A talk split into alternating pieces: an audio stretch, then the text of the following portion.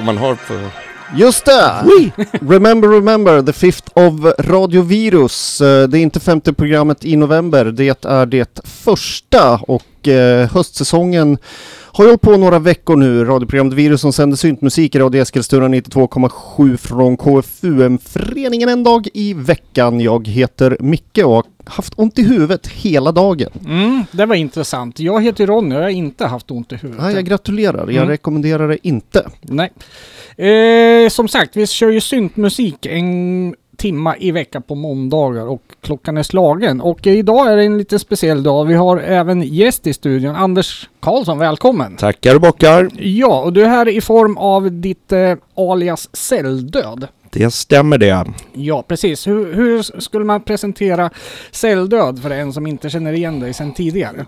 Minimal fuldans med uh, syntinfluenser. Ja, fuldans. Ja, det... Okej, eh, anar jag en viss eh, inslag av eh, dansmusik, alltså typ techno? Absolut. Det, det, dansmusik kan ju betyda så mycket och ja, för mig är den bästa synten är dansmusik också och den bästa dansmusiken är punkig och eh, allting för mig sitter ihop som ett spindelnät. Ja, ja, just det. Eh, men du är fortfarande en stor portion synt i... i Absolut. Ja. Hur man tittar på utvecklingen av dansgenren och utvecklingen av syntgenren så har de ju... Ja, de har ju gått ihop en del kan man ju säga. Och speciellt på 90-talet så vart det ju en helt annan grej kan jag personligen tycka. Absolut, det stämmer ju. Men det där går lite i vågor. Nu har ju intresset för uh, do it yourself, minimalvåg och, och liknande saker har verkligen kommit tillbaks i dansmusiken och även EBM och sådär. Bara för att eh, folk börjar tröttna på den här väl eh, producerade dator eh, dansmusiken tror jag. Så att det, Ja. det, det har kommit ett stort intresse både hos unga och vi som har hängt med ett tag. Så att det, det är roligt. Det är roligt att, eh, att det kommer tillbaks. Ja, och sen kan jag på ett sätt tycka att det som var house en gång i tiden, eller jag, jag är skitdålig på house, men det man pratar om idag house, det är ju inte alls samma sak. Nej, nej så är det ju. Och det är, det är ju självklart att nya, eh, nya artister, nya människor som, de, de måste ju få ta över ordet och göra det till sitt också. Så är det ju. Men, men Ja. house, den housen jag gillar, det är ju gammal ful house från, eh, Mm. från Chicago när det, när det låter källarlokal och det hörs att de har lyssnat just på europeisk synt och, och Mm. amerikansk disco och så har de blandat det där till något jävligt coolt och det är ju den housen som jag brinner för om det ska vara så. var alltid speciellt piano minns jag också. Är det, stämmer det med din Det bild? stämmer, ja men du är absolut. inte helt ute och cyklar i min då, nej house-definition. Nej, och det är ju mycket, det är ju mycket den här soul, uh, soul disco-influenserna som kom in och så, Ja, och så det. hade ett,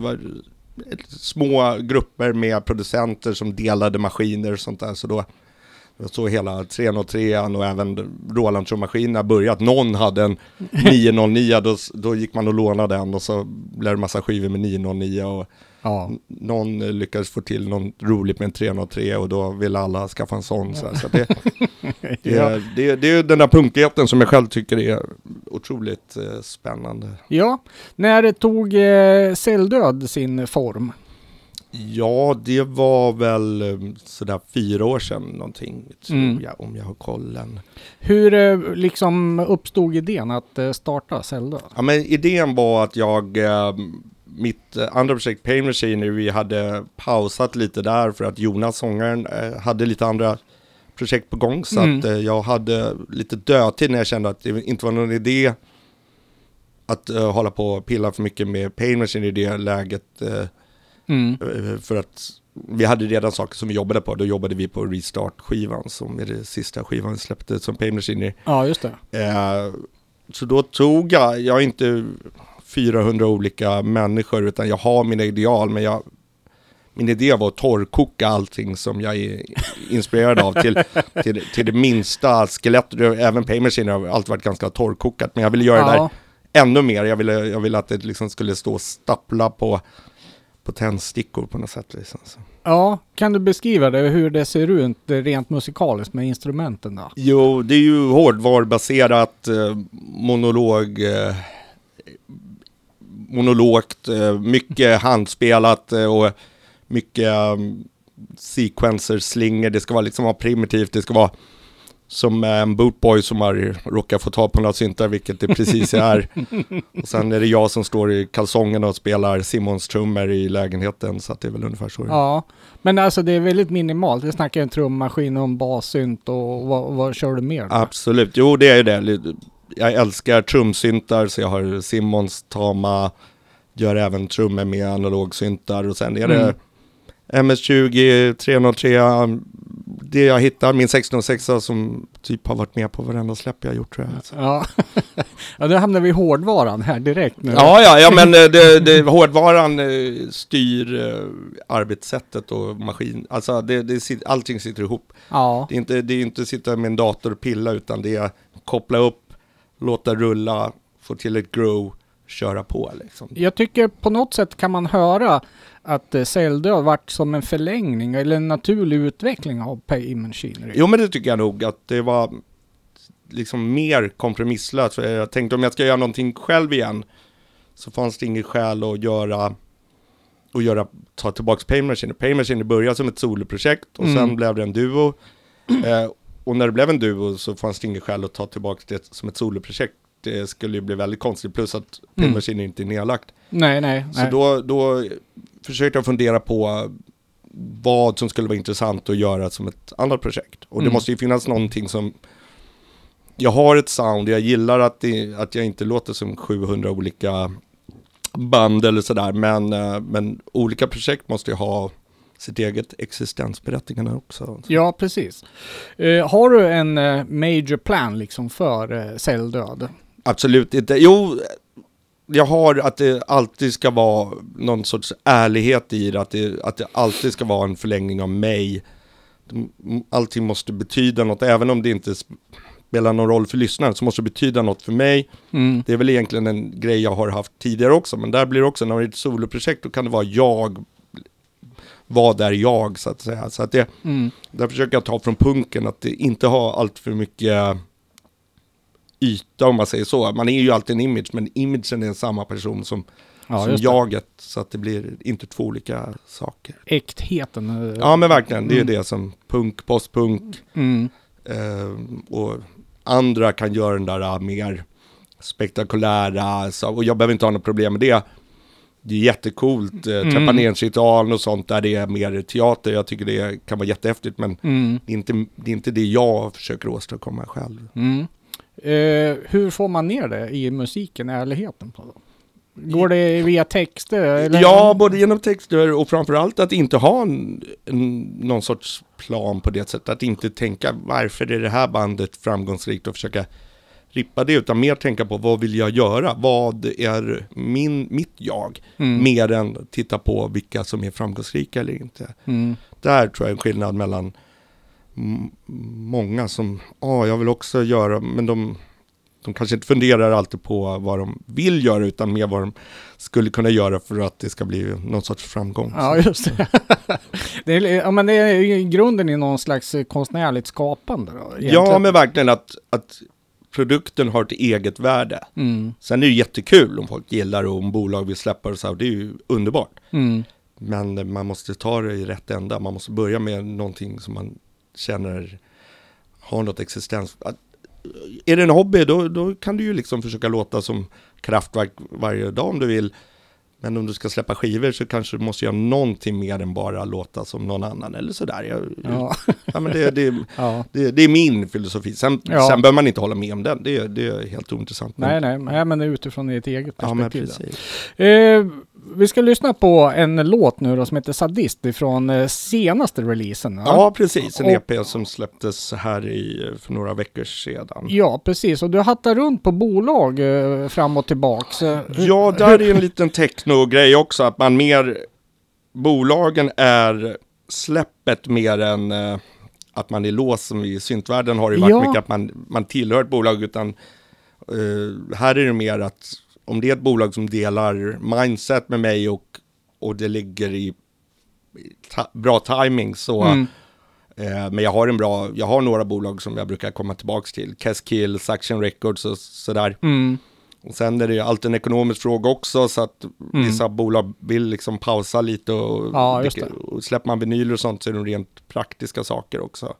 Ja, det är lite en annan apparat. Och sen började det lite för mig att jag hade några releaser som låg låsta på bolag och då blev jag lite så här. Så, Jaha, så har jag varit mm. med en gång redan med Pain Machine att det tog väldigt lång tid innan det kom en riktig CD med Pain Machine för att eh, det var när jag fortfarande var ett soloprojekt och det låg Mm. låst på ett bolag.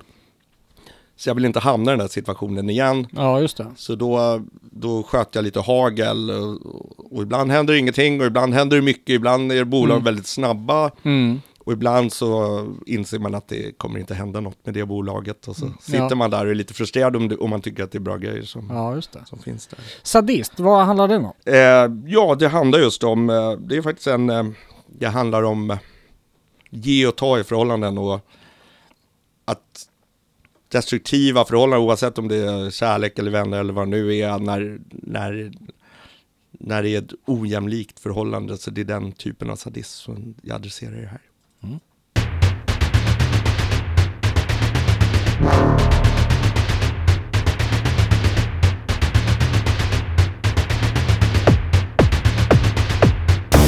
Thank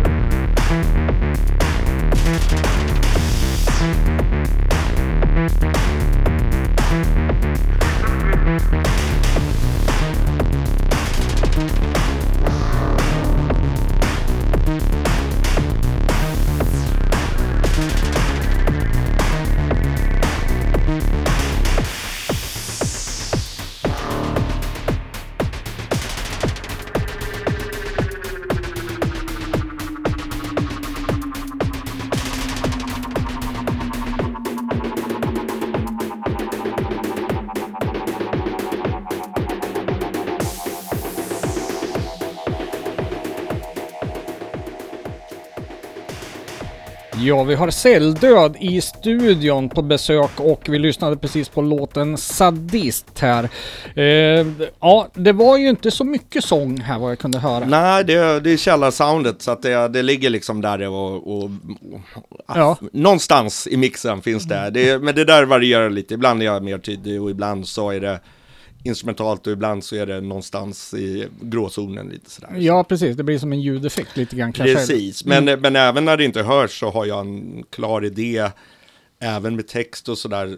För det är också, jag ser många som har liknande ljudbilder som jag, så hör Mm. jag att de inte egentligen säger ett skit. Liksom, sådär. Så det, Ja, det, och, och det har jag ingen direkt åsikt om, men, men jag har ofta en väldigt, liksom en, en väldigt klar text. Och Ja. sen, sen kanske produktionen inte vinner på att det alltid är så tydligt och sånt där. Så det, det, sådana beslut, det går lite fram och tillbaks ibland. Mm, mm. Jag minns något death metal-band en gång. De hade textlös sång, för det var ju, spelade ingen roll. Nej men precis, och jag, jag kan förstå det. Men det, det beror på lite också. Ibland behövs det ju någonting för att det, man ska få den där känslan av Mm. att det är... Eh, jag var och tittade på ett band nu på Underbar Klubb Död, en, ett band från Vitryssland. Som jag inte kommer ihåg vad de heter, men de var riktigt bra. De sjöng då på... Mm. Och jag förstod inte ett skit, men det lät som det verkligen betydde någonting bra. Liksom. Mm. Det kan ju fortfarande vara Onky Konky-texter, men Ja.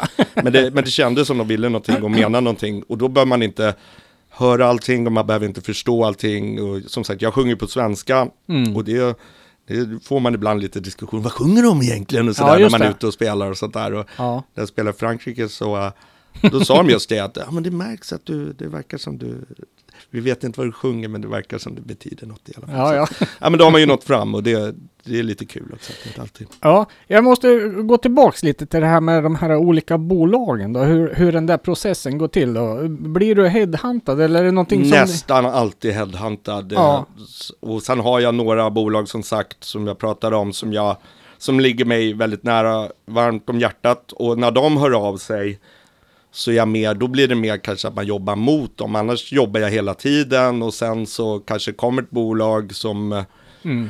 som är intresserade och så kollar jag upp dem att de inte är knäppjökar och sen så, så blir det någonting eller blir det ingen, ingenting. Vissa bolag är lite sådär att de lovar runt och håller tunt. Så Ja, då ja. sitter, sitter grejer låsta. Det är också ett problem ibland. Så då, då Mm. har jag inte velat vara låst med ett bolag. Liksom. Så. Ja, just det.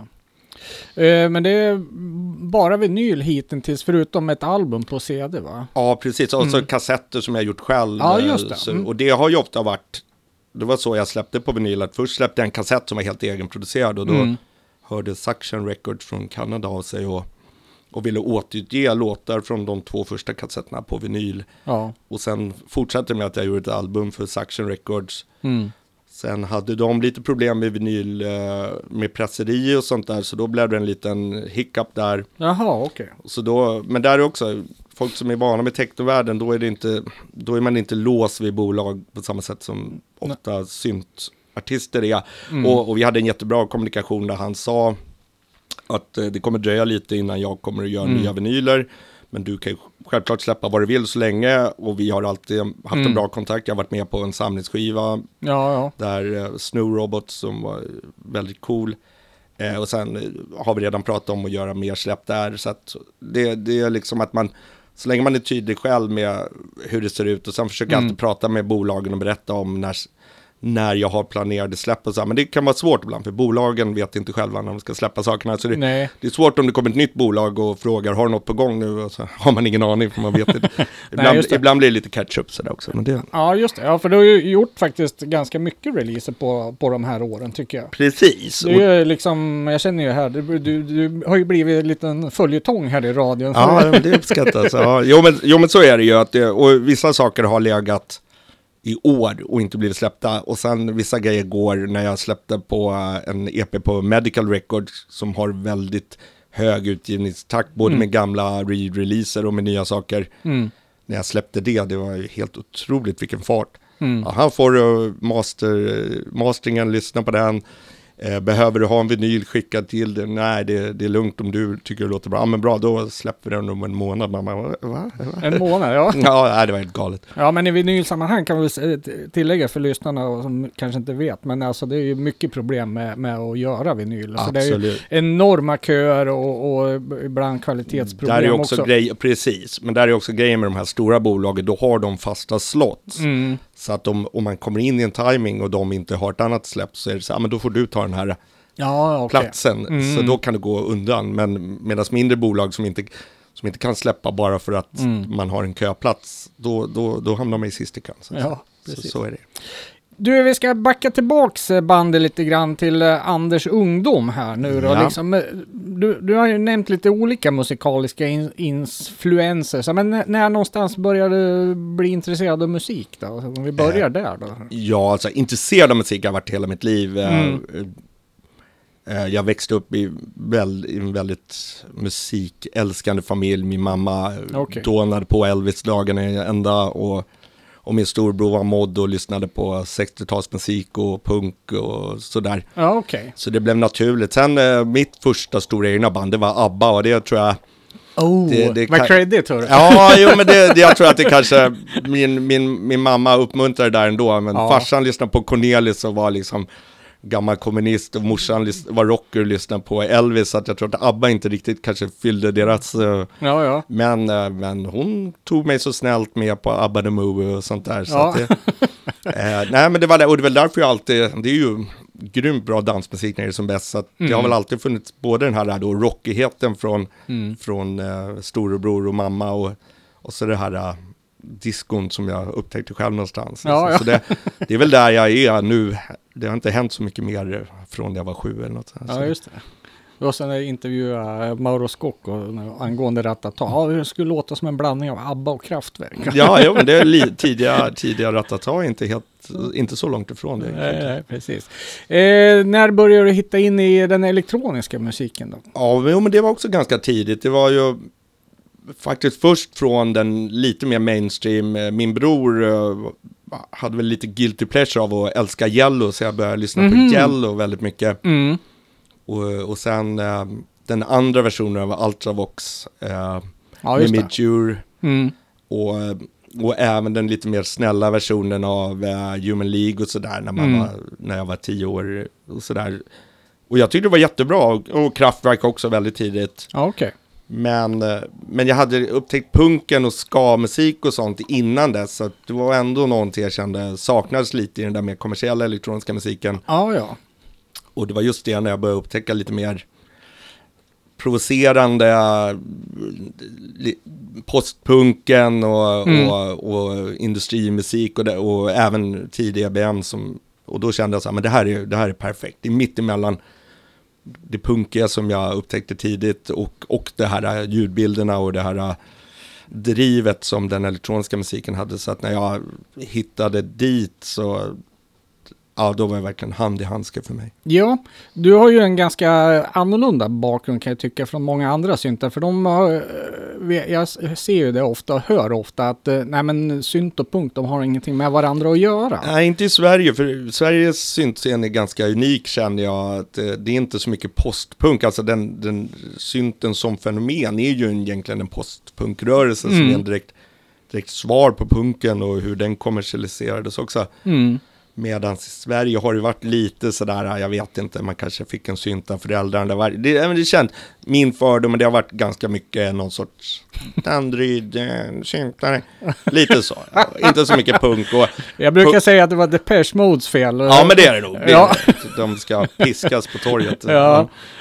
Ja, ja. ja, men, ja, men jag tycker ju också det finns ju en tydlig koppling liksom med alla banden som startade liksom i punkvågen någonstans och sen Absolut. utvecklade sig och sen dök det upp andra grejer som Ja, bär precis. på... eh, Och- Och med det sagt så är det ju, det finns ju så jättemycket bra, välpolerad och kommersiell synt. mm, Eh, och ta ett band som New Order, är det synt? Jag har aldrig kallat New Order synt och så kommer alla syntpoppare bara, men det är synt. Och Mm. Jag, I fotbollskretsar har de mycket cred och, och i folk som lyssnar på Manchester eller folk som Mm. lyssnar på postpunk. Eh, Så att ibland blir det ju sådär att vissa, vissa band är bortom genrer också lite grann. Lite så ja. Eh, vi pratar om punk då. Det ju, kan ju vara ett begrepp som kan betyda väldigt mycket olika för vem, vem man pratar med. Absolut. Och många på säger ja men punken dog ju 82 liksom. Så här, hur, hur ser du på punken och vad betyder den? Ja men punk är ju, för mig det är ju två saker. Först är det fenomenet punk och det är ju, det är ju England 76, 77 fram till 82, eh, oj och, och hardcore och så här. Mm. Det kom ju olika svar på att de började grida för att det blev kommersiellt. Men det var ju Mm. del av samma fenomen, absolut. Mm. Eh, och sen finns det ju punkattityden, den har ju funnits så länge som musik har funnits. Eh, och ibland behöver man samlingspunkter, det är ju samma sak med housen som var väldigt mycket gör det själv eh, musik också. Ja just Pratade det. om det tidigare. Do it yourself Electronic Body Music, jag kommer ihåg just när jag var, min storbror jobbade på ett varuhus. Och jag 1986 kom med, med min kompis. Och så skulle min storbror dissa mig inför sina jobbarkompisar. Här är min bror, han lyssnar på synt. Och då hade vi precis suttit hemma och lyssnat på No Comment med Front 242. Ja. Och, och hans kompisar sa, det var väl något man lyssnade på början på 80-talet. Så, så här, och, och jag var, ni vet ingenting, ni Nej. vet inte vad som händer, det händer grejer. Och det, det gjorde det ju verkligen alltså. ja. Eh, så att det, det, det, det, de här motvågorna och svaren på, vad ska man säga, döda genrer, det är, ju- de är ofta mycket mer intressanta än genrerna i sig själva. Och det är samma sak med punken. Mm. Postpunken musikaliskt är ju mer intressant än vad kanske punken är. Sex Pistols är ett av världens bästa rockband, eller skivan Mm. de släppte är en av världens bästa rockskivor enligt mig. Men det är fortfarande en rockskiva, det, Mm. det skiljer inte så mycket från Bo Diddley eller Elvis eller rocken som fanns innan. ja, just det. Ja, eh, när började du musicera själv då? Och det var också i förlängningen med min bror där att jag började skita ner hans grejer och göra ljudexperiment med hans bas och Jaha, okej. lånade maskiner i skolan och så här. Så det var mitten på 80-talet men i början var det experimenterande för att roa mig själv. Det Mm. fanns inte så mycket produkttänk om man säger så. Så Mm. det, det blev mest experiment för att roa mig själv och se det som någon sorts, eh, ja, att, ja, någon sorts hobby Mm. och sen tog det ett par år, sen i, var det väl i mitten på 90, i början, mitten på 90-talet som jag började släppa kassetter i små upplagor. Ja, just det. Och det var det under Pain Machine? Ja, första släppet var under Human Brain Tissue och det var dansmusik och någon sorts extrem industri rave, lite inspirerat av Meat Beat Manifest och den typen av... Ah, eh, okej. Så att det var... My- Mycket distade ljud och sånt. Ja, mycket distat och det skulle vara ja, liksom pitchbend på ljuden som lät som de kom från någon trasig diskmaskin och så här. Mm.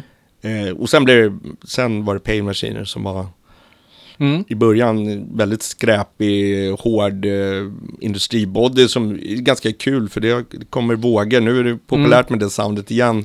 Men de tidigare, det är nästan så här lite rhythmic noise-grejer. Absolut, Ja. absolut. Och det, det märker många 25-årigar nu i Berlin som har gått tillbaka till det där. Jaså? Ja, alltså det, det, det, det, det är alltid det där hjulet som Ja. snurrar. Nu är det mycket mer välproducerat och modularbaserat och mindre Mm. mindre skräpiga ljudbilder men man kan känna igen mycket från den eh, rytmiska noisen som började någonstans i mitten på 90-talet. Eh, när det liksom börjar Pain Machiner bli ett, eh, ja, du, du sa att mitten på 90 där började bli ett band och du släppte kassetter. Var det då du kände liksom att ja men nu är jag en del utav någonting? Ja men här? absolut. Mm. Eh, Och sen har jag alltid, jag släppte då, eh, CDR var ju ganska stort i början på 2000-talet. Det var Mm. det som har tagits tillbaka av kassetterna nu igen. Mm. Eh, och då det fanns en rolig och ganska stor CDR-scen. Och där släppte jag ja, några stycken som fick mycket, det, det rörde sig ganska mycket i, i underground-kretsarna. Ja. Men då var det roligt för den generationen Rytmisk Noise, de ville inte riktigt ta EBMen på den tiden utan de ville inte ha de här dattbasgånger så här, nej det skulle vara mer techno-noise. Mm. Eh, och jag gör vad jag gör så att där insåg jag att jag hade kunnat gjort en mycket mer framgångsrik produkt om jag hade skippat Ja, ja. frontinfluenserna. Men det, det, det är inte så jag funkar. Utan det, så så det, är- det är därför det är kul att vara här också. Synt kommer alltid vara en stor del av mitt sound, absolut. Ja. Även om det inte, det skulle inte funka för mig att låsa mig med synt, ett synt-sound. Men det är fortfarande en stor del av mitt sound. Eh, Pain Machine är ju sakta gled ju mer och mer bort ifrån det här noise Absolut. rytmiken till eh, kanske mera EBM eh, Ja, sound på något sätt då. Fast med en egen take också kan jag Ja, tycka. jo men precis. Att jag, det, det, framförallt när Jonas kom in som sångare så ville, kände vi väl båda att det var roligare att slipa till det lite och få lite mer, Mm. Eh, vad ska man säga, lite mer eh, spets på hela projektet. Mm.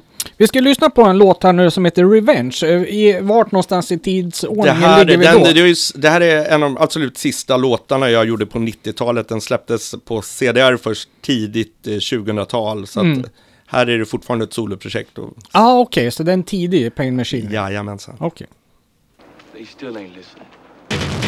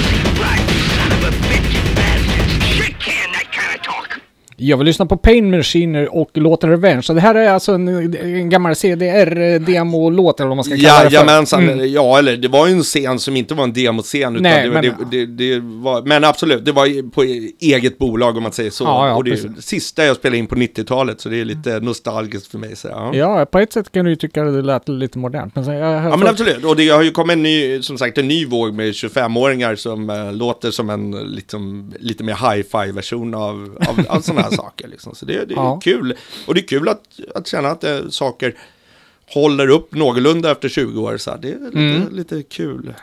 Eh, om, vi, om vi går in i, i, tillbaks liksom till inspiration och influenser och sådär, hur man kan ta in det i sin egen musik då. Eh, jag förstår ju att du har ju liksom en, en idé att du vill göra din grej här och inte försöka låta som någon annan då. Exakt, men å andra sidan så är, finns det heller inget egenvärde att tro att man är helt unik. För då får man göra någon mån, då får man liksom göra Ja. eh, kantinan i Star Wars eller något. Alltså det, Ja. det, det, det är klart att man är en summa av sina influenser. Men, Ja, men för mig är det viktigt att vara mer än bara summan och inte summan av en influens. Det, kan Mm. bli lite tragiskt ibland tycker jag. Så här. Men du, ja, det finns ju elektroniska influenser i din musik. Då. De, de här, förutom punkattityden och, och, och grejerna som vi pratade om från Reggae fi- finns det, ta, kan man höra det tycker du i din egen musik?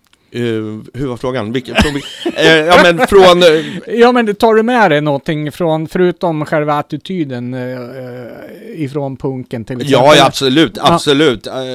Grejen att jag, ljudbilder är ofta, är ofta mer, känner jag, mer Ah, punkiga. okej. Mm. Och sen har jag ju jättemycket dubb-influenser och, Ja, det. och ska-influenser och, och sådär. Och de finns alltid där. Mm. Jag, jag, jag vänder på spännen men jag har ändå liksom Mm. riktiga fjäderreverb och riktiga tape delay och så här. För att för mig... Jaha, du kör med riktiga Ja, tape-delay ja, och fjäder? ja, ja, så jag har, Åh, jag har, jag har ett space echo och jag har, eh, jag har andra fjäderreverb och, Ja. och andra analogekon och så, så där tummar jag inte, det, det är en så stor bild av mitt sound så det, Ja, ja precis. Just den dubb-grejen kan jag ju, jag har ju hört själv också. Du har aldrig testat att göra några grejer i baktakt? Alltså. Jo, nej men lite, jag har faktiskt eh, ett, ett litet work in progress att jag ska göra en, eh, en reggae-skiva, vi får se om, det, om den blir klar eller inte, men eh, Ja. den kommer att låta mer Adrian Sherwood än, eh, än eh, kanske en Daddy Boosting, men eh, Ja. ja, det blir nog spännande. Ja. Jag var, var så glad när vi Micke och jag, vi var i Berlin i somras. Hittade ett litet singelfack på en skivaffär. Vad stod det? Det var stod det så här elektronisk reggae, eller vad var det? Jo, exakt. Det var Ja. exakt där det stod. Ja, och jag bara wow! Bästa av världar. Ja. Är, är det sant liksom? Och så gick jag, var ju tvungen att prata med ägaren där. Det var ju han som hade sorterat det. Men äh, det lät ju som vanlig reggae, Jo. fast det spelat på syntar. Så det var inte sådär äh, Men, men det, jag jätteexklusivt kan jag tycka. digitalraggan från mitten på 80-talet kan vara jävligt synt ibland. Det, Ja, det är så. Ja, det finns mycket och mycket sådär. Det är, väl- det är väl lite det jag vill göra någonting inspirerat av när det låter liksom stenhårt hem-keyboard sound sådär. Så att, Ja, just det. Hem-keyboard, ja. Mm. Ja, just det. Eh, inspiration, eh, alltså punk eh, och noise här. Och nu har du ju valt SPK här nu då, som är Ja. ju ett av de klassiska industribanden då. Eller, eller åtminstone vad jag kallar för industri. Absolut, och här är ju från deras eh, tidiga singlar som de släppte som eh, sen kom ut på en samlingsskiva som heter Autodafé. Mhm, det är den. Eh, Ja. Så de gjorde, ju, de gjorde ju den där industrin som Robin Grisel och Cabaret Voltaire hade gjort tidigare. De gjorde ju det till perfektion. Mm. Sen gick de ju ganska snabbt till ett mer eh, dansant sound. Ja, och så just gjorde de det. ju Metal Dance som är en stor, Mm. som är en stor syntklassiker med rätta. Mm. Och sen tog de det där enligt mig lite för långt. Ja, just det. Men sen gick de ju tillbaka och gjorde underbar ambient musik och eh, sen började Graham Revell göra filmmusik eh, och sådär. Mm. Så att det, det finns en röd tråd där och det var väl en provokation i sig själv att göra Machine Age Voodoo och så alla industrihuvuden blev väldigt galna där så det fanns väl något humor i det också tycker jag. Vi ska lyssna på, på Mekano. Vad är det vi ska lyssna i Mekano-låten här? Det, som- det här är ju absolut, de var ju inspirerade av band som Metal Urban och, och den tidiga punken, men de gjorde någonting som var elakt och mörkt, men också tillgängligt på ett sätt som många efterföljare inte riktigt har förstått. Skaka No på, på filen Ja, där. det var någon död låt, fan. Så kan det vara. Då får ni söka upp den själva, Mekanum SBK, Ja, precis. tyst Go- minut med Asta Kask. Googla den då. Ja men då, då hoppar vi in i den här äh, andra inspirationskällan då som du tog med dig, Front eh, 242. Då. Då ska vi se om den funkar att spela. Ja. ah, det verkar, det verkar vara kört. Nej då, Jo, den kommer. nu. Nu så. Jag kan meddela att eh, SPK fuckade upp datorn ganska hårt här. Men Det är som sig bör, de fortsätter provocera även datorer, det är underbart. Och lyssnarna. passande spår nu, Don't Crash, det tåget har gått kan jag säga. Ja.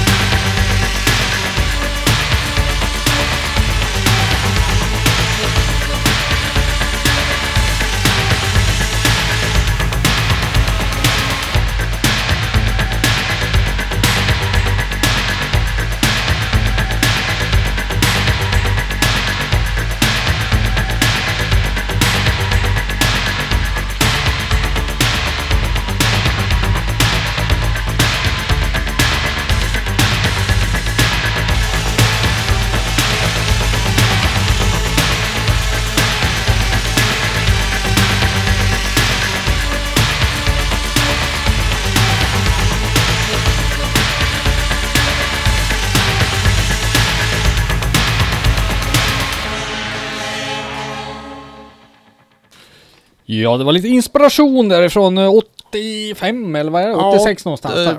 Fem va, Mm. säger jag. Ja, precis. Du, vi satt och pratade remixar och grejer här mellan låtarna och så, men det har inte blivit så mycket remixande Eh. utav eh, Celldöd. Inte så mycket. Jag eh, Mm. jobbar ju hårdvara och så här, jag vet knappt hur en dator funkar. Så att jag, Mm. eh, jag jobbar primitivt, så det är lite svårt för mig att göra remixar och jag har inte tid och ork och, och engagera mig allt för mycket sånt. Jag har Mm. lite grejer på gång så här, men Mm. inte, inte så farligt. Är inte det en väldigt stor grej annars i dans? Jo men det är det ju, det är det ju.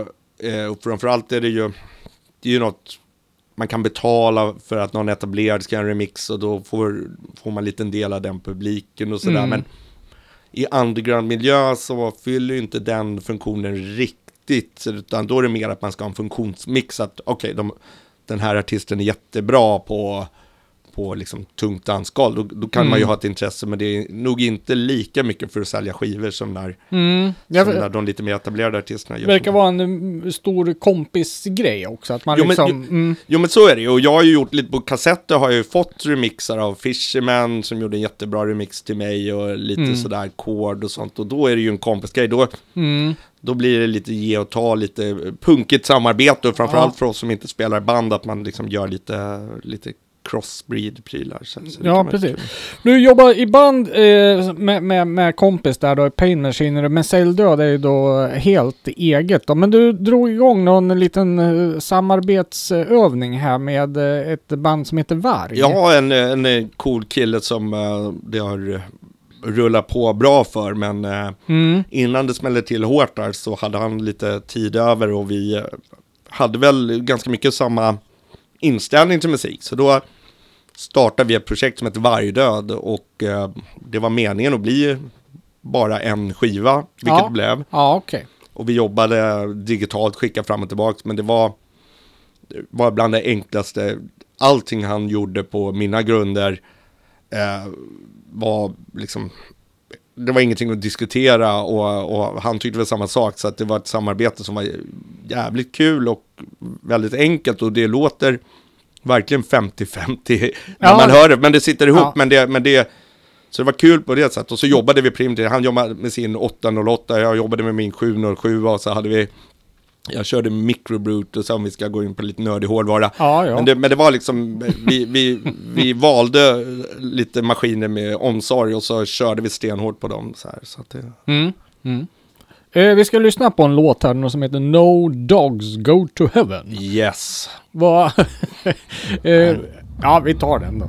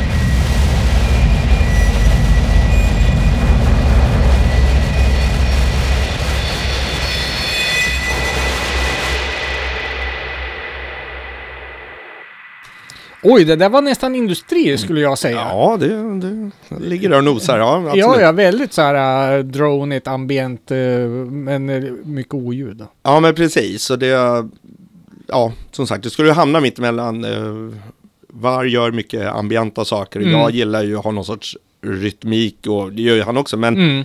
men nej, det var ett roligt samarbete och, och vi släppte den, eh, ett album på Opel Tapes eh, som vi, jag är väldigt nöjd över. Ja, Kul. Kul grej. Hörru du, tiden rinner ju iväg här. Ja, ja, eller hur? Va? Så vi måste faktiskt börja på att runda av programmet. Men jag har några frågor kvar jag skulle Ja. vilja köra här nu. Eh, du har ju, alltså, du, på kort tid tycker jag ju, vi pratade om att Varg hade en framgångsrik karriär, men jag skulle vilja påstå att du har ju gått ifrån liksom kassett, pang, till att turnera världen runt här. Ja, liksom. men lite så, lite så. Det, Ja. det, det, timingen har för en gångs skull varit eh, lite bra för mig. Ja, men det brukar, det brukar vara tvärtom. Men eh, jo, men så är det. Det har Ja. rullat på. Men, eh, och det har jag ju sett, det skrivs ju här och där i eh, inte syntmediaform, alltså och, om just techno och EBM. Mm, jo, men absolut. Och där nämns ju du konstant i alla de där sammanhangen. Så är det. Ja. Och, och där är det nog mycket att jag, även om jag har, liksom, det hörs att jag har lyssnat på Duff och sånt, men, Mm. men jag, jag tror att grejen är att jag gör, jag gör det från, min, från mitt håll. Ja. Och jag kompromissar inte, jag, det är inte en produkt som ska, som ska funka på dansgolv. Jag älskar att dansa, jag Mm. älskar att göra dansant musik. Men musiken kommer först och funkar på dansgolv så är det underbart. Mm. Och det, det är det som jag tror gör att jag funkar för den mer kompromisslösa delen av, av dansmusikscenen som är som sämst är den ganska snobbig och som bäst är den väldigt eh, punkig och do it yourself. Så att, eh, det Mm. är kul att vara en del av det. Och, Ja. Eh, nu har du varit ute och giggat då, men då har det egentligen varit mest på technoklubbar och så. Nästan alltid, eller i alla fall dansklubbar. Jag, Ja. jag uppmanar mång, många synter skulle ha jävligt kul på de här moderna technoklubbarna. Det, ofta är det, en, är det en gammal syn på att det bara är liksom bang, bang, bang, bang hela tiden. Det, det är, Dunka dunka som mormor Ja, nej, men det, är- det, är- det är ofta väldigt mycket dynamik på de här klubbarna. Att det, att det, klockan sju på morgonen kanske det är mer dunka dunka vad det är elva på kvällen. Mm. De håller ju igång men, eh, Ja, just det, det. ja, men senast när jag spelade i Göteborg, jättebra klubb. Och så drar, drar DJn igång Suicide sju på morgonen i en rökfylld lokal. Mm. Helt underbart. Det, det är sånt där som man, Ja. som man smälter. Eh, ja, precis. Och det finns ju, jag tycker det verkar vara ju som att eh, de, de, har kommit liksom till ände någonstans och så börjar man snegla och gå tillbaks till rötterna liksom på något sätt. Då. Ja, det är så det alltid är och det, är- Mm. det är bra. Det, det, det, liksom, det produceras, det blir bättre och bättre, Mm. mer funktionellt och så bang slår det till och så vill man tillbaka till det här ursprungliga igen. Det, Eh, hur ser du på dagens scen inom eh, genren då? Jo, men på gott och ont så är det ju mycket fragmentering. Det, ibland kan det vara svårt att få en scen och ibland, ofta, eftersom jag inte riktigt söker giggen utan giggen söker mig, klubbarna Mm. har, har ofta bättre koll på mig än vad jag själv har Ja. på mig själv.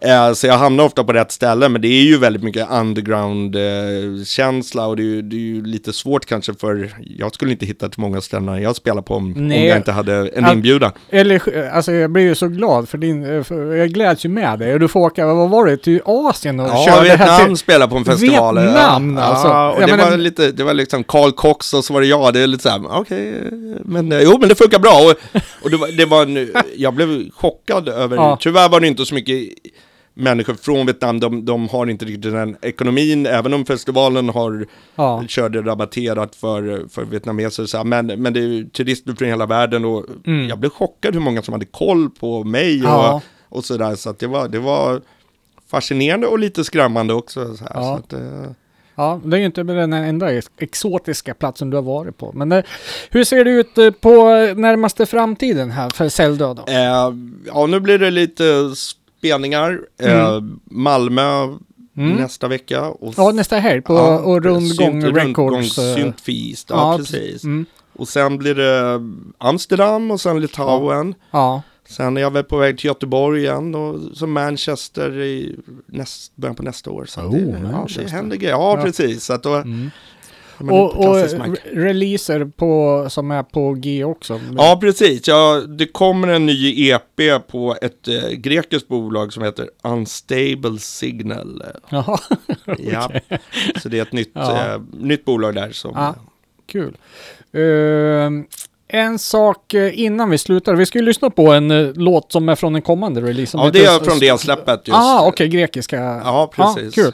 Eh, snabb grej här nu. Jag, tycker mig kunna höra en eh, vi- viss musikalisk utveckling i Celldöd. Eh, från att varit ganska mycket instrumentalt till mera sång. Har du, hur gör du liksom när du tänker, är det okej att köra på i så som man har gjort? Eller har du liksom, nej ah, men det här releasen, ska jag försöka dra musiken åt ett eller annat håll? Eller hur? hur? Ja, Nej, det, det finns ingen eh, masterplan där, utan det är ju låt, om jag känner att låten tillför, ibland har jag lagt på sång och så, nej, nej, jag får spela in där igen, det, den ska inte ha sång. Så, så det, Mm. det är låtarna som blir, men, men, och självklart vill jag gå någonstans, men jag vill, jag vill att det ska vara få beståndsdelar och få parametrar. Och det måste finnas den där kärnan som är jag. Mm. Och så vill jag att det ska utvecklas, men, men på ett sätt som är naturligt. Mm. Jag tänker mig som en eh, kreativ själ. Någonstans kan jag ju, åtminstone jag känna att nej, men det här har jag gjort förut. Det vill jag inte göra igen. Ja, både och. Alltså, jag menar, Duff gör samma sak Ja. hela tiden. De Och gör det bra. brukar jag ha som ja, exempel. AC/DC, så att känns det bra så bryr jag mig inte. Mm. Eh, men det har ingen egenvärde, varken tycker jag, att göra nytt eller repetera. Alltså det, det måste finnas ett skäl. Låten måste leva sitt eget liv. Mm. Eh, och sen gillar jag, vet, jag har samma hårdvara. Mm. Klart man, har man tur kan man köpa lite nya maskiner och så här, men det, det, det är begränsningarna, jag, jag vill inte kunna göra allt. Eh, Om jag jobbar med filmmusik då kanske jag hade liksom behövt ha lite mer, en större ljudpalett och så här, men jag är inte Mm. så intresserad utan jag, jag vill jobba med det jag har, jag vill att det ska vara primitivt. Jag menar, Mm. Det är samma sak med punkband. De har en annan typ av setting om det är ett normalt punkband, men det kan fortfarande göras mycket bra i det, i det låsta. Så. Mm. Mm. Jättekul att ha dig här Anders och all lycka i framtiden med eh, gigs och eh, kommande releaser och eh, ja, vi lär väl hålla kontakten. Det har vi Det gjort förut. räknar jag med. Det- Punkattityden delar vi ju som sagt. Ja, ja, det, det, det tycker jag är väldigt, väldigt kul att vara här och ehm, keep on. Keep on, ja precis. Eh, nästa vecka är vi tillbaka tillbaks och då hade vi planer på att spela lite nyheter istället för att ha gäst tror jag. Så kan det vara. Jag vet inte vad du tänker ta dig för, för jag har ju meddelat min frånvaro. Då blir det nästa galet. Ja. Ah, ja, men eh, gången efter det då. Mm. Precis. Eh, Stort tack Anders, ska jag tack. passa på att tillägga här också. Mm. Vad ska vi höra som sista låt här nu? Eh, exklusivt för radion? Ja, alltså. precis. Det här är helt osläppt. Det är från min kommande EP och låten heter Smalspår. Tack och hej! Tackar. Thank